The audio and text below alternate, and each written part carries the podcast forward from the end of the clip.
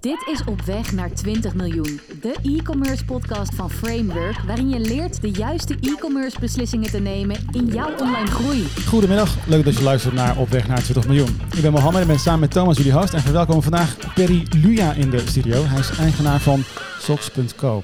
Perry, welkom. Welkom. Alles goed? Ja, hartstikke goed. Hey, jij komt uit het verre oosten, zeg je dat goed? Nou, eigenlijk maar van het zuiden, maar ik ben naar het noorden ben ik eh, verhuisd, dus wat dat betreft, hè, je kunt met mij alle kanten op. Heel leuk dat je vandaag bent. Uh, we gaan vandaag een mooi gesprek voeren over heel veel zaken. Uh, Thomas, de intro. Waarom gaan we praten met Perry? Waar gaan we het over hebben? Echt weer een stukje ondernemerschap uh, wat, uh, wat mij betreft. Uh, we hebben in, in, de podcast al een aantal ondernemers voorbij horen komen. En ik noemde het eigenlijk een beetje oneerbiedig, misschien wel van online warenhuizen. Maar in, in dit geval is Perry echt wel een andere ondernemer. Het is een, een ondernemer die echt vanuit een purpose uiteindelijk zijn, zijn merk aan het, aan het bouwen is, socks.co. Hij zegt ook, we verkopen geen sokken, maar warmte en liefde. En dat vind ik een heel mooi iets om daar maar eens eventjes mee, mee te gaan, gaan starten. Perry, misschien kan jij daar iets meer over vertellen van hoe je uiteindelijk tot deze purpose bent gekomen vanuit socks.co. Um, we hebben niet zo'n leuke gebeurtenis meegemaakt. Er is een familielid overleden aan, aan kanker. En dat is zeg maar, de, zij droeg altijd de oma gebreide geitenwolle sokken. En zeven jaar geleden kwamen we in een fabriek kwamen we um, ja, deze sokken tegen. En toen dacht ik, nagedachtenis aan haar gaan we hier een merk van maken. Dat hebben we gedaan. Dus um, ja, wij, wij maken altijd heel veel mensen blij met warme voeten. En, uh, en daar, daar, daarboven wordt dan iemand heel blij mee. Want die gaat een grote glimlach geven. Dat is eigenlijk de doelstelling van ons verhaal, of van ons bedrijf. Juist, en daar bouw je dus nu op dit moment nog steeds op door, zeg maar, als je kijkt naar je eigen onderneming. Ja, want hoe, hoe is dat gegaan? Want uh, ja, goed, dat heb je dan gedaan, maar het is nu inmiddels een uh, volledig ontwikkelde en helemaal geoptimaliseerde onderneming. Hoe? Ja, weet je, dat was het rare van het verhaal. Dus, um, Margriet kwam die sokken tegen en die dacht, nou weet je, uh, ja, laten we eens proberen. Ik zeg, nou, wat, hoeveel heb je er nodig? Nou, 500 paar, 500 paar besteld. Toen hebben we die aan, aan familie en vrienden gegeven. En toen kregen we zeg maar het Viagra-effect, um, zoals ik dat nou altijd noem. Van ja, uh, de bijwerking is, is, is leuker dan zeg maar wat, wat, wat uiteindelijk waar die voor bedoeld was. Heel veel mensen waren enorm blij met hun sokken. Die kregen uiteindelijk weer warme voeten. En toen dachten we, wat is hiermee aan de hand? En um, toen zijn we meer sokken gaan kopen. En toen blijkt gewoon dat je, ja, uh, naast dat ze zeg maar uh, ja, toch modisch verhaal van gemaakt hebben, dat je weer warme voeten krijgt. En ja, het krijgen en het houden van warme voeten is toch een belangrijk aspect. Want met koude voeten kun je niet echt slapen. Uh, het werkte natuurlijk ook binnen het verhaal van de gasbesparing. We hebben gewoon ontdekt dat je de gaskraan, of de, zeg maar de kachel 2 tot 3 graden lager kunt zetten met warme voeten. Nou, daar hebben we ook als marketing slogan hebben we die gebruikt. Ja, dat heeft ons geen minder gelegd. Ik kan zeggen, dat is buitengewoon relevant uh, geweest, zeg maar. Uh, nou, ab absoluut. absoluut. Wat ik op zich wel, uh, wel interessant vind, want het is natuurlijk een hele vervelende gebeurtenis waar je uiteindelijk bedrijf uit on ontstaan is. Maar jouw achtergrond ligt helemaal niet, niet in de fashion, zover ik heb begrepen. Nee, ik heb, uh, ik heb chemische technologie gestudeerd. Ik heb daarna commerciële bedrijfskunde gedaan. Ik heb uh, jarenlang een salesfunctie gehad. Toen ben ik directeur geworden bij een, uh, bij een Amerikaans uh, beursgenoteerd bedrijf. Dus heb ik met processen leren omgaan. En ik heb nog in het verre verleden ook een keer niet meer C gedaan. Dus dat zijn alle ingrediënten voor een uh, breed opgeleide ondernemer... die dan probeert van een leuk product een, een, een, ja, een goed product te maken. En goed verkoopt en, en maar op. We hebben natuurlijk zes, zeven jaar gebruikt om het marketingtechnisch te optimaliseren... En dat is nu gelukt. Nou, afgelopen, we afgelopen jaar hebben we in 14 verschillende landen hebben winkels zitten. Maar ook mensen uit Zuid-Afrika en Korea en, en Argentinië en zo bestellen op onze website sokken. Nou ja, ja, jullie zullen vanavond meebeleven waarom. Ja, precies, want ik wou net zeggen, je kwam met twee grote dozen hier naar binnen gelopen, uh, met, met sokken weer. Ja, ja, ja, ja. Heel veel mensen komen met gebak, maar ik kom met sokken. Dat, dat werkt toch beter? Heb je langer plezier van. En, en in, ook in onze eerste contacten, uh, Perry, jij bent zo, je hebt het zo vaak over die warme voeten. Um, nou zeggen alle ondernemers, nou iedereen zegt, joh, missie is belangrijk in je kernwaarde, in je visie. Wat is een missie in jouw opzicht? Uh, nou ja, uh, eigenlijk is het heel simpel. Ik wil ervoor zorgen dat heel veel mensen lekker warme voeten krijgen en lekker warme, voeten, warme, warme voeten houden. En dat is natuurlijk hoe we, daar, hoe we daarin staan. En um, ja, wat wij gewoon merken is dat uh, side effect is dat mensen die zeg maar wat ziekelijk zijn, mensen met uh, long-covid, mensen met reuma, mensen met MS, mensen met kanker, bij geboorte van baby's en noem maar op. Dat zijn toch momenten dat vaak vrouwen koude voeten krijgen. En nou ja, dankzij onze, onze sokken blijven mensen toch weer warme voeten krijgen en behouden. Wanneer jij kijkt naar andere collega-ondernemers, zie je dan altijd heel duidelijk een missie terugkomen? Als ik mezelf vergelijk met beurzen waar wij staan en ik vergelijk hoe wij, wat voor passie wij daarmee omgaan en hoe passie waarmee wij toch die sokken uitdelen, ja, dan staan wij daar toch anders in dan andere ondernemers. Waar, waar ligt dat aan? Is dat, het, is dat het ontstaansverhaal wat jij net deelt met ons? Of wat zijn de redenen dat het bij jou wel zo gaat? Anders Omdat niet? ik ook gemerkt heb dat als je er niet zo in staat, hè, ook bij, als, je een, als je een beurs hebt waar winkels gaan inkopen, moet, dan, je moet er op een bepaalde manier uitspringen. Als mensen langs die sokken lopen, denken ze, moet ik met die suffe sokken. Ik moet ze altijd vertellen, jongens, eh, trek ze nou een keer aan en eh, probeer nou een keer uit en dan ben je verkocht. 60% van de winkels die ik sokken meegeef, die bestellen. Dat is een hit ratio, ja, die, die eh, eh, dat ligt aan het product. En natuurlijk een beetje aan mijn praatje, maar het ligt ook voornamelijk aan het product. Hey, en hoe doe je dat dan online? Want online is het natuurlijk, weet je, op het moment dat iemand op een beurs langsloopt en inderdaad eh, je trekt hem je stand in en je zegt van joh, voel spullen, spullen eventjes en trek hem eens aan. Dan is, ben je gelijk eigenlijk verkocht en heb je hem ervaren. Online is het natuurlijk heel anders. Mensen krijgen digitaal naar je sok. Wat, wat doe je daar dan aan om ervoor te zorgen dat die mensen overtuigd raken? Kijk, wat ik, wat ik altijd probeer te doen is zaadjes te planten. Mensen, hè, als ik aan beurzen mensen sokken meegeef, ook al kopen ze niet bij ons, dan zijn ze toch blij met die sokken en gaan ze die eh, bestellen. We hebben het fenomeen dat in Duitsland eh, eh, de afgelopen jaren mijn webshop ieder jaar aan het verdubbelen is, zonder dat ik 1 euro uitgeef aan marketing. En hoe komt dat? Omdat het merk zich aan het verbreiden is in, in, in, het, in het land. En dat gaat zeg maar vanzelf. Dat, dat is niet sustainable. Hè? Ik bedoel, dat, dat, dat snappen jullie ook. Dat is ook slecht voor jullie als bedrijf trouwens. Maar dat is een andere discussie. Eh, maar nee, maar dat, dat is wel zo. Ik, plaats, ik, ik, ik, ik plant zeg maar zaadjes, waardoor, eh, waardoor die mensen die sokken gaan gebruiken en het leuk vinden met andere mensen te geven. Dat is één. En wat een hele belangrijke is, is natuurlijk, we hebben een eh 9,5 bij 7600 reviews. Ja, en dat is gewoon een hele belangrijke, dat mensen toch overtuigd zijn, ja, dat is geen wassen neus, maar het is echt zo wat, wat, wat mensen beloven dat dat, dat, dat uitkomt. En, en jij ziet dus ook heel duidelijk dus die, die synergie tussen retail en online. Want dat is vaak wat wij ook wel eens bij, eh, bij, bij klanten slash ondernemers horen. Dat ze zeggen joh, ik, die kanaalconflict, dat vind ik heel lastig. Maar als ik jou zo beluister, zeg je van, joh, wij hebben zelfs die retail, eigenlijk de mensen die het hebben uitgeprobeerd, hebben we nodig om uiteindelijk ons merk verder te verbreiden. Of zie ik dat verkeerd? Het, mes snijdt daar aan twee kanten. Hè. Ik bedoel, ehm, eh, we kunnen elkaar heel simpel versterken. Want van de ene kant, wat ik zeg maar ehm, eh, bij retail uitprobeer, hè, de mensen die daar verkopen, dat, ja, je kans natuurlijk dat die mensen bij ons komen. Van de andere kant is het ook zo, wat wij zeg maar op social doen, hè, dat is ook een merk neer, een stukje branding, een stukje brandbuilding. Daar profiteert de winkelier ook weer van mee. Want als zodra de mensen komen, ah ja, socks die ken ik, laat ik die maar meenemen. En weet je, zo help je elkaar natuurlijk daar toch een beetje in. Ja, we hebben nu iets van 12, 13.000 volgers. Verschillende landen uit de hele wereld. Alles organisch. En ja, en dat, is, eh, dat, dat werkt toch gewoon. Ik bedoel, mensen zijn toch heel erg, ja, die geloven heel erg in storytelling. Wa- Wat zijn momenteel je verkoopkanalen? En kun je een beetje een verhouding daarin aangeven? Ehm, ik heb zeg maar drie hoofdkanalen waar wij, eh, waar wij zeg maar in verkopen. Mijn webshops eh, die zullen zo'n 45% van de omzet zijn. Ehm, dan heb ik ehm, de winkels, dat zal zo'n 25% van mijn omzet zijn. En dan hebben we ook nog een keer een business-to-business verhaal. Dat zal ongeveer zo'n eh, 30% denk ik van mijn omzet zijn. En die business-to-business is natuurlijk een hele mooie, want dat betekent dat je hem als relatieschenk gaat inzetten. En wat, kun je, wat is dan mooier dan liefde en warmte geven als werkgever, zeker in deze tijden. En dan kunnen mensen zeg maar de sokken personaliseren, het label of de doos. En dat werkt natuurlijk heel erg mooi als communicatiemedium.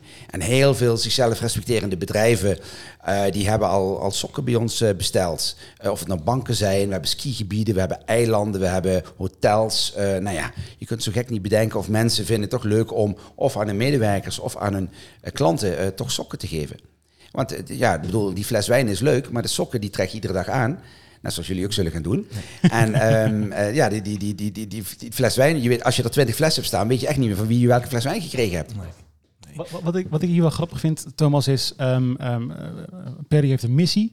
En eh, hij geeft aan, joh, ik, eh, dat doe ik op zo'n manier dat ik eigenlijk geen marketing nodig heb. En we groeien in Duitsland verdubbelen elk jaar. Is dit één op één toepasbaar bij elke webshop? Zeg Maar als je die missie hebt en dat uitstraalt, dat je dan ineens gewoon eh, een, een groei beloofd krijgt? Nou, kijk, ik denk dat op het moment dat jij echt eh, het doorleeft, zoals noem ik dat dan maar even, de missie doorleeft en het ook echt van authentiek en oprecht ook zo is, Ja. dan denk ik dat je heel ver kan komen. Mhm. Eh, het zomaar ergens een missie opplakken of maar gewoon maar roepen van, joh, wij doen iets voor een betere wereld of wat dan ook. Ja. Ja, ik geloof daar niet zo in. Eh, bijvoorbeeld het, het, het feit met betrekking tot het compenseren van CO2. Als je dan zegt van oké, ik heb een vliegtuig en ik vlieg lekker vrolijk de wereld rond. Oh ja, by the way, ik, ik koop dat wel af met een beetje compenseren van CO2. Weet je, dat zijn dingen waarvan ik denk, ja, dat is niet oprecht. Weet je, ik denk dat het verhaal wat, wat Perry hier nu neerlegt, dat is oprecht. Dat komt uit een bepaald, nou ja, laat zeggen, gevoel, een gebeurtenis die uit het verleden is geweest, waar die echt, zeg maar, mee bezig is gegaan. En ja, dan geloof ik daar oprecht ook in. En als mensen dat zelf ook gaan geloven, dan, eh, eh, ja, dan kan dit ontstaan. Ik geloof niet dat het per definitie een succesformule is om er gewoon maar een missie of een, eh, of een Ja. purpose op, op te plakken. Het is niet alleen de missie, de purpose. Je hebt ook een product nodig. Absoluut. En als, wij, eh, als wij sokken hadden gehad waar je geen warme voeten in kreeg, had ik nog zo'n mooie missie en purpose kunnen houden. Dan waren ze niet zo goed gaan verkopen. Nee. Het product verkoopt zichzelf. Je hebt het goede product nodig. En, en ja, de- kijk, en dan als je naar Kottelen kijkt, hè, de marketingmix, eh de, de prijs eh, spelen we eigenlijk heel weinig mee. En dat is denk ik, dat, dat is natuurlijk ook wel weer, eh, eh, weer, weer, weer het bijzondere van het verhaal. Want als ik, ah, dat heb ik, die vra- vraag heb ik jou toen straks ook gesteld. Zou je 30 euro uitgeven voor een paar warm, voor, voor sokken? Ik denk, ja, dat weet ik niet. Toch een hoop geld. Ja. Voor warme voeten is een koopje. Ja.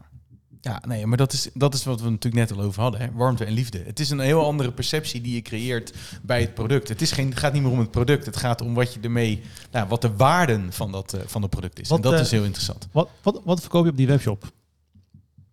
Eh, eh, eh, warmte en liefde ook weer.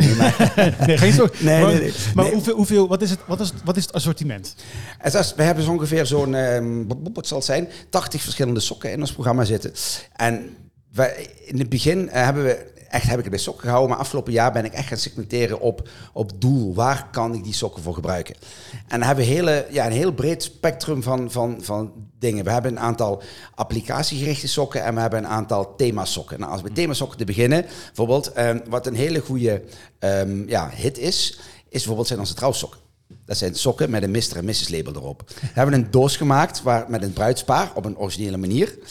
Eh, nou ja, dat, dat verkoopt. Nou, maar bijvoorbeeld, dan kunnen ook twee dames en twee heren kunnen trouwen. Dus ze kregen twee leuke dames en twee leuke heren, net getrouwd, op die doos. Dat is bijvoorbeeld een themasok. We hebben ehm, afgelopen jaar 1800 paar hondensokken verkocht. Niet sokken voor een hond, maar sokken met een hond erop. Daar zijn we twee jaar geleden zijn ze daarmee begonnen. zei iemand tegen mij ehm, uit Duitsland, ja, je moet met hondensokken binnen, beginnen. Ik zeg, spienst doe je het, hè, maar dan ben je gek. Uiteindelijk werkt het wel. Want we merken gewoon heel erg mensen die van tackles hebben, bepaalde soorten honden. Die vinden het leuk om te gaan wandelen met sokken aan, met lekker warme voetjes, met met de hond op de sokken. Dat zijn zeg maar onze themasokken. Ehm, dan hebben we heel veel applicatiesokken. Hè. Bijvoorbeeld sokken die eh, voor yoga eigenlijk geschikt zijn. Daar zit anti-slip onder, dus dat je niet zo snel kunt uitglijden. We hebben sokken die extra warm zijn, min 20 geschikt. Dus mensen die echt hele koude voeten hebben, die, die gaan die sokken natuurlijk dragen. Eh, zo zijn het zeg maar een beetje de dingen. We hebben eh, ook sokken die je zeg maar, wollen sokken die je onder je pak kunt dragen, die minder geitenwolle eruit zien, maar dat je toch lekker warme voeten hebt. Dat is een nieuw product wat we hebben gedaan. Dus in principe alle sokken zijn hetzelfde. Je koopt ze gewoon in één bulk in en dan plak je labels op. Als ik het plat sla. Eh, Nee, wij laten eh de verschil tussen de paksokken zeg maar, en de normale sokken is wel zo dat het een ander soort wol is. Die is iets dunner, heeft een iets lagere energetische waarde, maar uiteindelijk krijg je hetzelfde effect, bereik je daarmee. De andere sokken, daar wordt de wol, die wordt in Nieuw-Zeeland wordt die ingekocht. En dan wordt die, gaat hij naar Duitsland, toe wordt die geverfd. Want helaas zijn er nog geen lichtroze en lichtblauwe schapen. Die heb ik nog niet gevonden. En dan gaat hij naar Litouwen toe. Dan wordt die zeg maar machinaal eh, gebreid tot sokken. En dan eh, komt, wordt er een labeltje wordt er opgenaaid. En dan in Nederland mensen, pakken mensen met afstand tot de arbeidsmarkt pas- pakken die in. Ja, dus het is niet een eh, inkoop- en verkoopverhaal. Het is niet, eh, ik koop het in een... Nee, volgens- ik... Oké, nu, nu vraag aan jullie jongens. En de winnaar krijgt van mij een paar gratis paar sokken.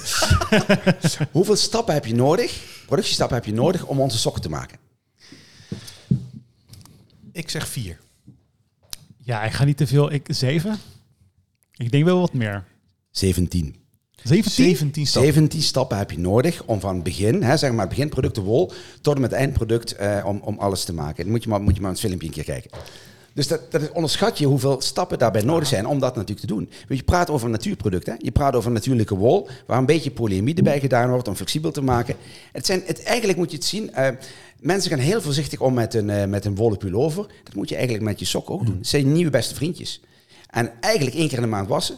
En eh, dat is, dat, dat vaker hoeft niet. Het absorbeert geen zweet. Als ik normale katoenen sokken draag, na twee dagen dan begin je het te ruiken. En na vier dagen mag ik het huis niet meer binnen. Maar je kunt rustig die wollen sokken dragen, twee weken lang, je ruikt niks. Wat ik, wat ik op zich ook heel interessant vind, als je dan hoort over 17 stappen.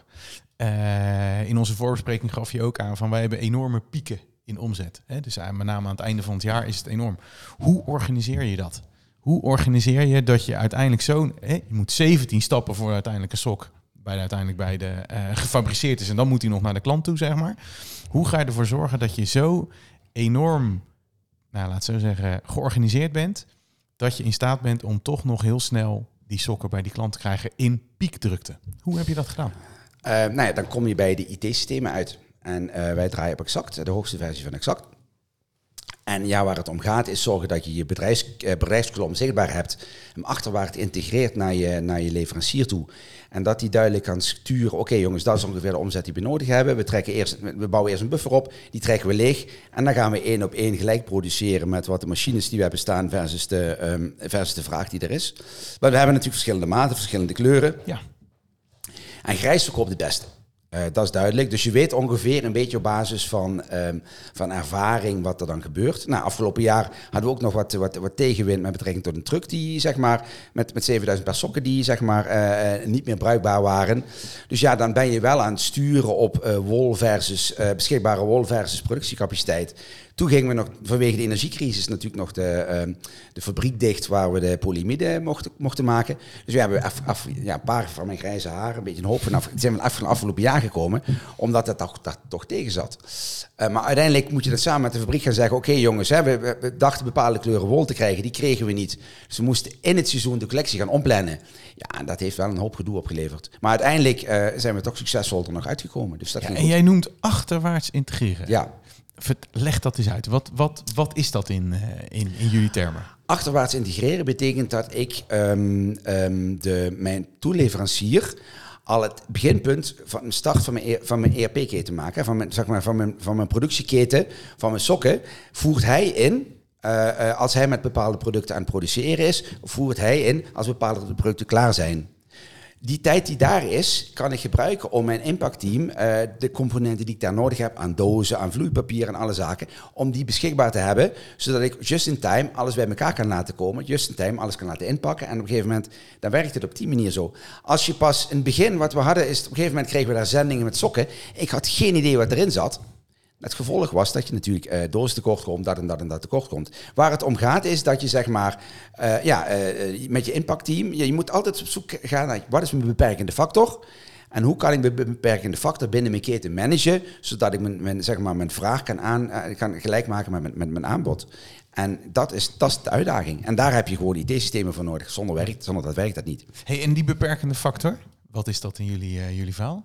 Is dat, is dat iets wat je wil delen? Of zeg je van nou, uh, nee, afgelopen jaar was dat duidelijk de beschikbaarheid van wol. Ik ja. had afgelopen jaar um, 30, 40, 50 procent meer kunnen verkopen dan dat ik had. Maar ik, de fabriek ging dicht, polymide was niet beschikbaar. Wij hebben uh, um, eind oktober hebben wij een e-mail gestuurd naar al onze tussenhandelaren. Hey, jongens, we zijn zo goed als uitverkocht. Wat toch tot best wel wat tragische momenten heeft. Uh, heeft ja, we hadden ook orders van 10.000 paar sokken die we gewoon moesten leveren voor klanten. Die we hebben nee moeten zeggen omdat we de, de wol niet hadden. Wat ons uiteindelijk natuurlijk in het begin uh, best toch wel wat ja, um, uitdaging heeft gegeven. Mensen die vinden het niet leuk. En hoe kan dat dan? En je hebt dat ook beloofd, dit en dat. Maar van de andere kant, als jij zes weken of zeven weken voordat het kerstcadeau gegeven moet worden, toch uh, mensen aangeeft, oké, okay, je moet het anders vinden. In plaats van twee weken van tevoren. Dat heeft ons wel weer een goede naam gegeven in de markt. Dus in principe probeer je dat te balanceren. Dus juist die informatie, het ver verstrekken van die informatie zorgt er dan uiteindelijk ook weer voor dat een klant zegt van oké, okay, het is vervelend dat het er niet is, maar het is een sympathiek iets en je bent er ook op de juiste manier mee bezig, dus dan accepteer ik het. Dat is wat je hebt ervaren, zeg maar. Ja, dat klopt. En waar het om gaat, omdat ik een IT-systeem heb draaien dat ik transparant en duidelijk heb, oké, okay, wat speelt er, wat is er, wat is mijn capaciteit, wat heb ik nodig, kan ik zeggen, hé hey jongens, hier gaat iets mis. Hier moet je vroegtijdig al natuurlijk daarop sturen. Ja. En als ik dat IT-systeem niet had gehad, dan weet ik zeker dat ik daar veel te laat was achtergekomen. Als ik het goed begrijp, betekent dat ook dat jouw toeleveranciers ook uh, met jouw systeem op een bepaalde manier moeten werken. Ja, dat is eigenlijk maar één manier, dat is mijn manier. en dat gaat ook gewoon probleemloos met al die verschillende partijen? Mensen moeten daar in het begin best wel even aan wennen, maar uiteindelijk uh, maakt het hun leven ook een stuk simpeler. Kijk, ze weten ook dat wij natuurlijk een hele bijzondere partij zijn. Want als ik zeg, uh, 60, 70 procent van mijn omzet vinden in zes, zeven weken plaats. Dat betekent dat ze heel erg hard aan het einde van het jaar moeten hollen en de rest van het jaar wat rustiger aan moeten doen. Maar ja, goed, als ze dat leuk vinden en met ons kunnen meesturen, ja, dan kunnen we toch een leuke omzet samen draaien. En even voor mijn, voor mijn beeld van hoe dat proces dan uh, zeg maar loopt. Uh, is dat dan zo dat je zegt van oké, wij moeten inderdaad wel uh, zes, zeven weken topdrukte verwerken. Betekent dat je dan een paar maanden van tevoren al halffabrikaten creëert, waardoor je dat uiteindelijk ook kan gaan realiseren? Of zeg je nee, mijn keten is zo just in time dat op het moment dat ik, nou ja, ik weet niet hoe lang het, het duurt vanaf wol tot aan de, de fysieke uitlevering van een sok. Wat, wat moet ik me daarbij voorstellen? In het optimale model, uh, zeg maar, als je kijkt naar, uh, stel dat er geen, machines bezet zijn, als ik het moment kan starten tot die sok klaar is, dat duurt ongeveer um, twee, tweeënhalve week. Uh, met alle processtappen die er nodig zijn. Hè. Maar die sokken die worden een keer gewassen, die worden nog een keer gestoomd en die worden nog een keer kwaliteitscheck gedaan. En die moeten gelabeld worden, alles erop en eraan. Die moeten natuurlijk eerst bereid worden. Dan ben je zeg maar twee weken zoet. Um, als je, in je, uh, als je kijkt naar waaruit bestaat een verpakking van sokken, die bestaat eigenlijk uit een achttal componenten. Waarvan een aantal componenten, nou, die zijn relatief korte levertijd. Een aantal componenten hebben een lange levertijd. Nou, wat heeft een lange levertijd? Dat zijn de sokken zelf, dat is het karton. Hè? Die verpakking die moet natuurlijk ook gemaakt, gemaakt worden, want die is bijkant product, die moet gestanst worden, alles erop en eraan. Nou, daar moet je van zeggen, oké, okay, ik verwacht dit jaar zoveel sokken te gaan doen. Nou, dan moet ik voor een aantal componenten moet ik, uh, dat overinkopen. Dan bestel ik, koop ik 120.000 stuks of 130.000 stuks of weet ik veel wat, koop ik in. Zorg ik dat ik daaronder zit. En de rest uh, ga je gewoon JIT, JIT laten aanleveren. Ja. Ja, dit is wel heel spannend. En tegelijkertijd zie ik ook op jullie website uh, gepersonaliseerd. Ja. En, mm. en, en je vertelde dat dat, ja, laten we zeggen, ook echt een, een hit is, succes is, zeg maar. Hoe organiseer je zoiets? Want dat is ook erg interessant, hè? Want aan de ene kant heb je te maken met, nou ja, laten we zeggen, misschien een soort van standaardproducten die je al van tevoren allemaal al kan, uh, uh, nou ja, kan klaarmaken en op basis van data kan zeggen, daar koop ik op in. Maar gepersonaliseerd wordt al een stuk lastiger. Want dat betekent dat iemand een labeltje, links, rechts, uh, kleurtjes, noem maar op. Ja, dat wordt, dat wordt allemaal gemaakt op de, op de mens. Ja, kijk, we hebben, wat we op voorraad hebben liggen zijn standaard sokken en we hebben standaard labels op voorraad liggen. En het enige wat we moeten doen is die standaard sokken, het labeltje op, daarop zetten. Nu kunnen mensen nog uh, naam laten borduren of uh, nou ja, initialen soms erin kunnen laten borduren. Dus daar zijn wel wat dingetjes. Maar wij zijn in staat gewoon binnen, als dat je niks tegen zit, binnen twee, drie werkdagen gewoon gepersonaliseerde sokken te leveren omdat we al die halffabrikaten gewoon op voorraad hebben liggen bij ons, bij ons in de site. En dan hebben we uh, dames zitten die gewoon behendig zijn met, uh, met, een, met een naaimachine. En dan uh, die sokken in elkaar naaien en dan, en dan opsturen naar, naar onze klanten. Die 17 stappen, is dat inclusief personalisatie? Nee, dat is exclusief personalisatie. Okay, dus dan heb je nog meer stappen. Ja, dit gaat nu alleen de productie, de productie van, mijn, van mijn sokken, van, van begin tot eind.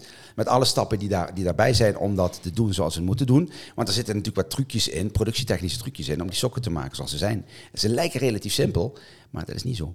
Ik hoor heel veel slimmigheden, heel veel optimalisaties. Waar komt dat vandaan? Um, ik, denk, ik, denk dat, ik denk dat het misschien wel een stukje beroepsdeformatie is. Ik ben natuurlijk twintig jaar Amerikaans opgevoed. Um, 1994 was ik al Greenbelt. Toen had nog, lang, nog niemand in Nederland. Toen ben ik naar Amerika geweest, nog niemand daar in Nederland ervan gehoord. Wat, wat is dat? Een Greenbelt, dat is een ja, methode hoe je op een bepaalde manier naar processen kunt kijken. Mm. En door een stukje statistiek en procesanalyse processen kunt optimaliseren. Kijk, de truc zit er heel simpel in. Je moet in principe ervoor zorgen dat je variabelen omzet in constanten. Constanten kunnen niet mis en variabelen wel. Des te meer variabelen je hebt, uh, des te meer problemen je kunt krijgen in de keten. En dat is continu, continu te streven wat we, wat we dan doen binnen, binnen, binnen SOX ook. Proberen die variabelen uit te sluiten. Dan, wordt, dan gaan dingen fout. We analyseren waarom ging dat fout. En wat kunnen we eraan doen om te voorkomen dat het nog een keer fout gaat. En dat is gewoon, uh, dat is gewoon een belangrijk, belangrijk punt.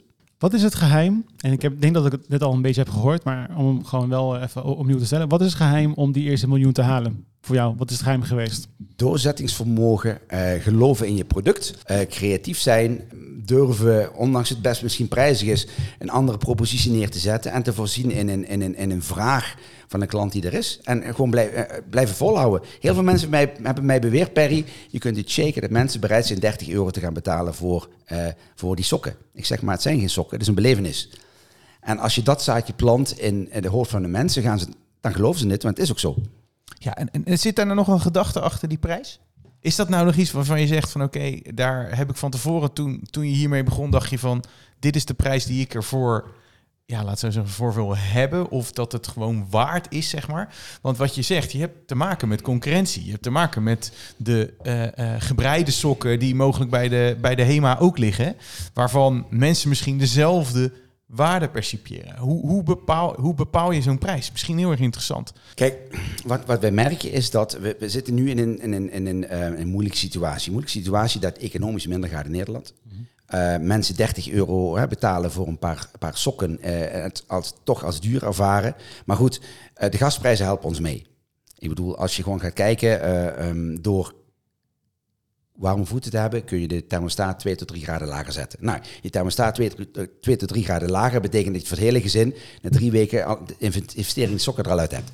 Dat is gewoon wat we uitgerekend. Dus dat is één ding. Maar ik, wat, ik, wat ik zelf wel merk is dat um, ja, we nu op een punt komen met die hoge inflatie, dat wij bewust gekozen hebben om um, de prijzen voor de sokken nagenoeg gelijk, gelijk te laten dit jaar.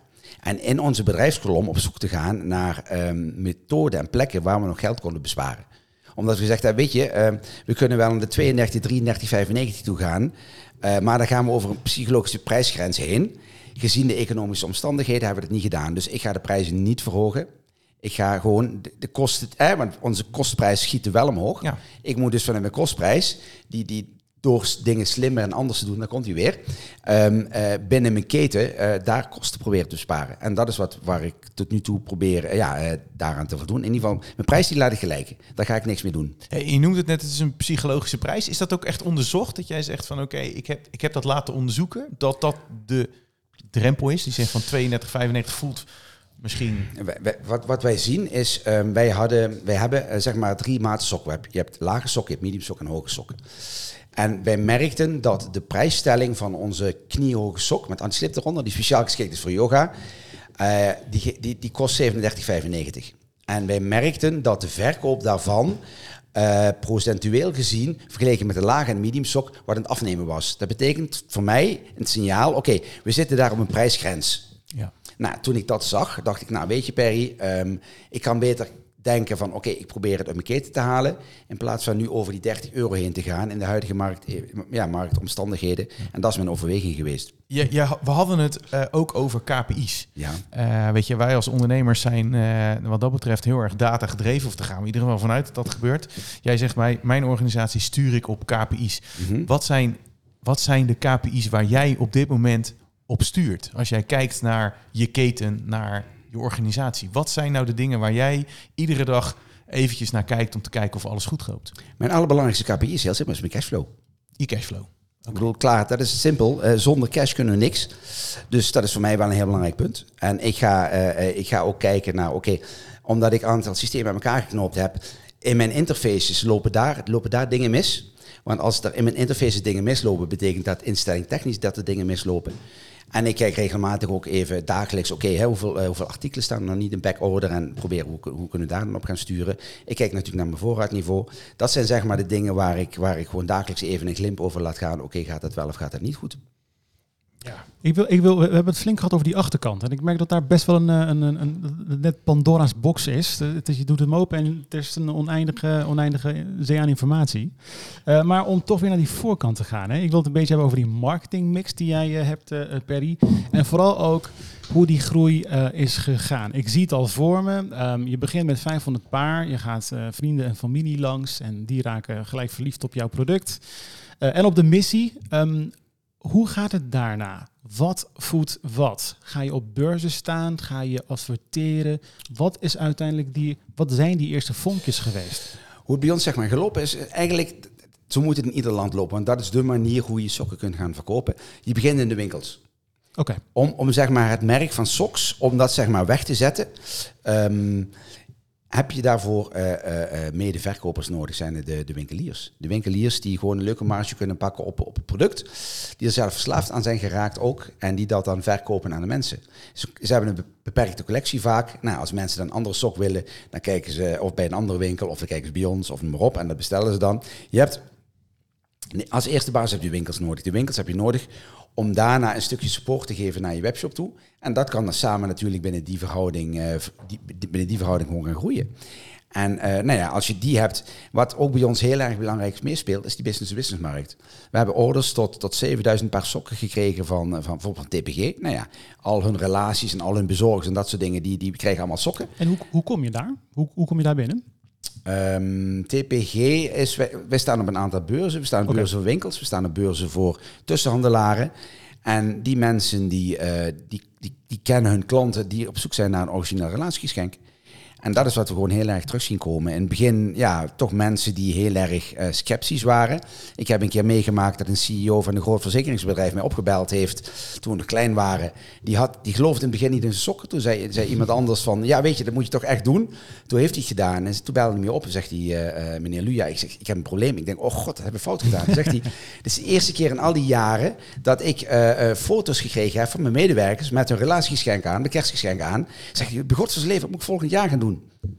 Hij is nog een keer teruggekomen. Dus, uh, dus dat is alleen maar een goed teken. En, en dus dan begin je met B2B en met retail. Hoe, hoe, gaat het dan met die webshop? Is dat puur organisch met SEO? Hoe? Wij zijn afgelopen jaar, zijn wij voor het eerst met, um, na zeven jaar webshop, zijn we voor het eerst aan de SEO-CA-strategie uh, begonnen. Um, ik, heb, ik heb altijd zeg maar een liefde-haatverhouding gehad met bureaus zoals jullie. Want ik ben heel erg data-driven. Ja. En mensen konden mij niet bewijzen dat zeg maar, um, uh, het investeren in SEO en CA rendement gaat opleveren. Een aantal mensen hebben een aantal dingen beweerd. Nou, dat bleek dus niet zo allemaal uit te komen. Dus ik ben er altijd heel sceptisch in geweest. En afgelopen jaar dacht ik, nou laten we dat toch een keer proberen. En ja, goed, uh, SEO moet je natuurlijk langere adem hebben. Ik zie de effecten nu al terug. Hè. Bepaalde, bepaalde deelsegmenten, bijvoorbeeld de slaapsokken, daar zijn wij, staan we hoog in de rankings. Wij ik zie gewoon het verkoop van de slaapsokken stijgen. Dus het SEO-traject dat werkt wel degelijk. En CA-technisch hebben we natuurlijk ook gewoon het spelletje meegespeeld. Uh, ja, er is een concurrentie in de markt en, en daar hebben we natuurlijk gewoon, uh, gewoon ja, uh, meegedaan. En maar, het voordeel dat je het organische merk bent, betekent wel dat je natuurlijk altijd bovenaan staat. De vervolgstap voor, voor SOX. Je hebt op deze manier heb je het bedrijf ergens gebracht. Wat wordt de vervolgstap? Kijk, Nederland is leuk. Ja. Qua marktpotentie is Duitsland leuker. Ik sprak gisteren iemand die wil, uh, uh, die zegt, ik ga, er, ik ga mijn best ervoor doen dat, dat er Bayern München en Dortmund sokken komen. Nou ja, uh, ja. om eens wat te noemen, als je dat voor elkaar zou kunnen krijgen, want hij is zo lyrisch over het product. We hebben bijvoorbeeld sokken voor skigebieden, we hebben sokken voor eilanden. Ik denk dat Duitsland als groeimarkt ehm, vier, vijf keer zo groot kan zijn als de Nederlandse markt. En dat is dan wel op B2B met retailers? Ja, B2B-retailers en mensen die natuurlijk rechtstreeks kopen. Je moet niet onder, onderschatten hoe groot de, de, sterkte van Amazon in, in, in Duitsland is. Duitsland mm. is, kopen mensen veel meer online nog dan bij in Nederland. En kijk, uh, met Amazon lukt natuurlijk in Nederland niet echt, maar uh, Bol is natuurlijk heel sterk hier. Maar in Duitsland is gewoon Amazon heel sterk. Dus zeg maar, mensen, wat mensen het eerste gaan doen, is uh, wij gaan googlen en in Duitsland gaan op Amazon kijken of ze iets kunnen vinden. En is, betekent dan uiteindelijk ook dat je in Duitsland zeg maar met Amazon aan de slag gaat? Dat je zegt van oké, dat is wel mijn eerste stap. Of zeg je van nee, wij gaan die internationalisering vanuit onze eigen webshop doen? Want dat is ook wat je vaak hoort. Hè? Dus zeker die stap naar Duitsland. We hebben uh, volgens mij een aantal podcasts geleden ook uh, gesproken met een, een, een, consultant die zich helemaal focust op Duitsland. Die zegt van joh, het lijkt een relatief tussen aanstekens relatief makkelijker markt om mee te starten. Maar dat is het echt totaal niet. Hoe, hoe kijk jij daar tegenaan? Wij zijn al vijf jaar actief in Duitsland. We hebben meer dan 200 verkooppunten. Um, Duitsland is groter dan Nederland hè, qua, qua, qua, qua omzet. Um, op winkelgebied dan. Um, ja, Duitsland is een markt, daar moet je volhouden. Mm. En bijvoorbeeld als ik op Duitse beurzen ben, uh, bijvoorbeeld in Hamburg of in München of in Düsseldorf, daar wordt echt geschreven. Ik ga gewoon met tienduizenden euro's aan orders naar huis toe. Als ik in Nederland op een beurs ben, hè, voor, voor, winkels, daar wordt veel gekeken en weinig geschreven. Ah, ja. En dat is het grote verschil. Uh, en, en de potentie, en wat ik gewoon nu zie, bijvoorbeeld, ik had dat, uh, ik had in um, één skigebied had ik sokken verkocht. En uh, drie skigebieden daarnaast stonden ze allemaal te schrapen, dat zij ook wilden. Dus uiteindelijk, wat de een doet, dat gaat de ander kopiëren. En dat zie je gewoon, dat zie je gewoon heel erg terug. En in principe, ja, in Duitsland hebben ze natuurlijk ook sneeuw. In Duitsland hebben ze ook bergen. Ook in Zwitserland en Oostenrijk, dat is natuurlijk een typisch product daarvoor.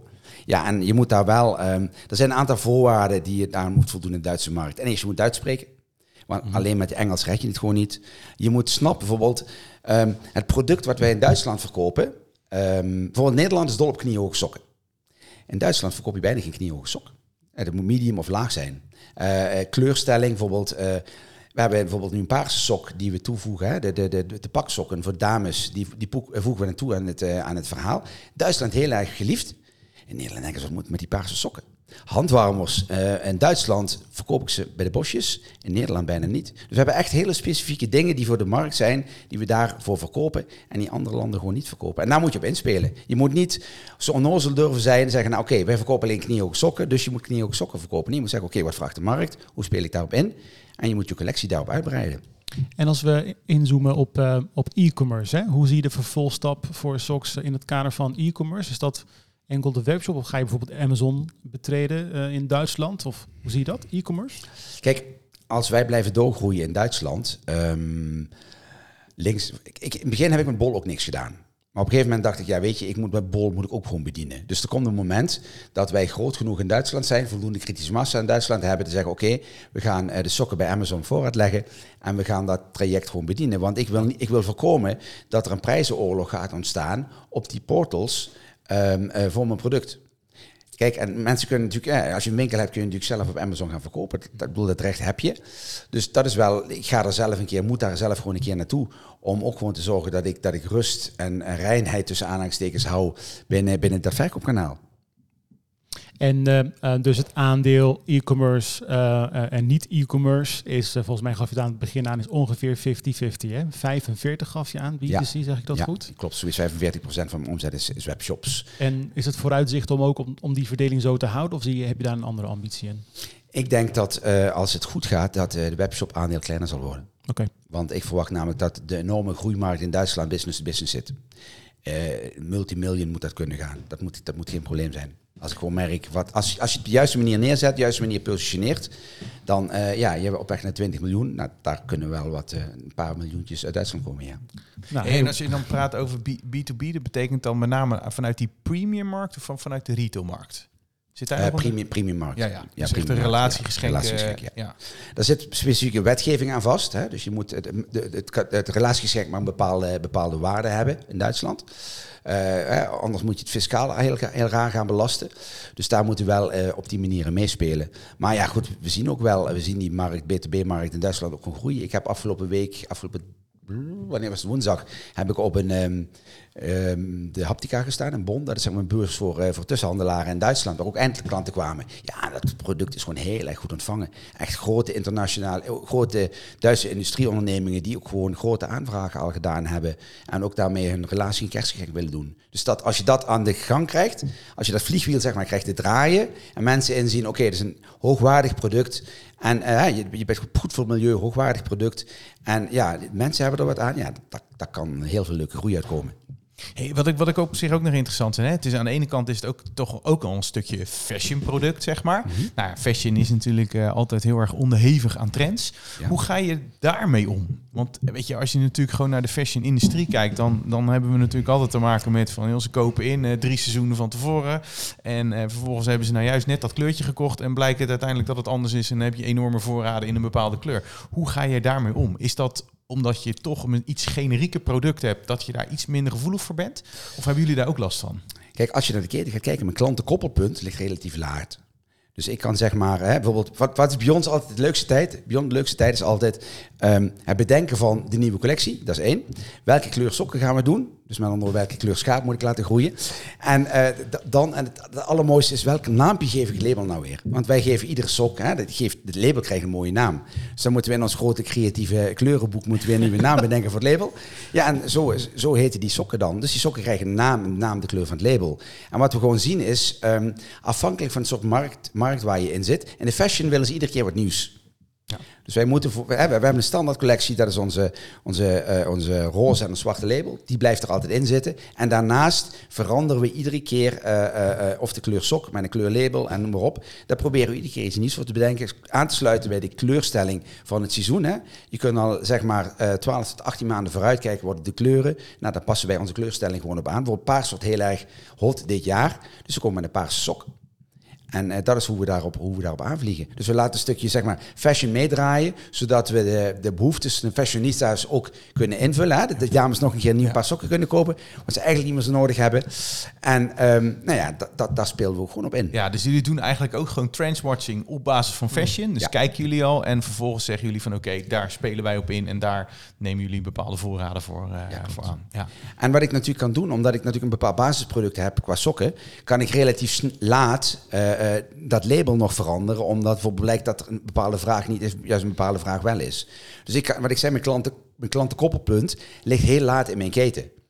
En daardoor kan ik ook heel slim inspringen op, op bepaalde vraagelementen die, eh, die opspelen. We hebben heel veel besproken, Thomas. Ja, zeker. zeker, zeker, zeker. Wa- wa- Als, als, wij nou, eh, nou, als, als wij nou hier eh, wat leerpunten uit moeten formuleren, niet te veel, maar de top drie of zo, of een De top of- drie, top drie. Ja, ik had er een, weer een aantal genoteerd inderdaad. Hè? Want tijd- tijdens het praten met Perry, dan schrijf ik zo wat dingetjes op. Eh, eh, ehm, eh, mooi nog aan het einde wat, jij, wat je aangaf.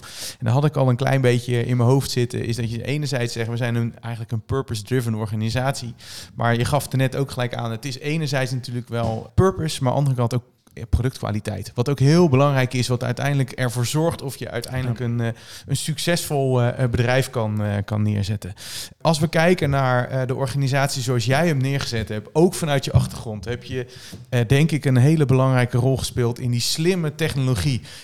Termen als achterwaarts integreren, zeg maar. Ja, dat, dat vind ik heel erg mooi. Het betekent eigenlijk die keten heel goed kunnen sturen, data eruit kunnen halen, maar niet alleen maar voor jezelf houden, maar ook eh, je, je leveranciers en je toeleveranciers daar inzicht in geven om ervoor te zorgen dat je die hele keten zo kan, eh, kan bestieren.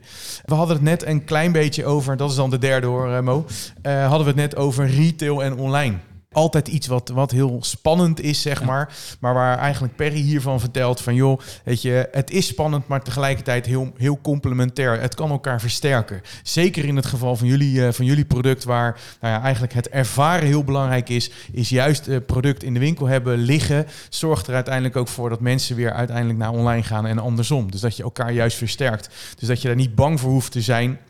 Zeker niet in, eh, in jullie businessmodel, dat dat eh, uiteindelijk eh, zeg maar tot, tot conflicten kan, kan leiden. Nou, dat zijn een aantal dingen. Ik heb er nog meer genoteerd, maar die laat ik even voor wat het is nu. Hey Perry, de, de e-commerce manager of ondernemer die luistert, die heeft die met ook een klein productassortiment met een product waar hij of zij aan werkt. Laatste stukje advies die je meegeeft op weg naar 20 miljoen.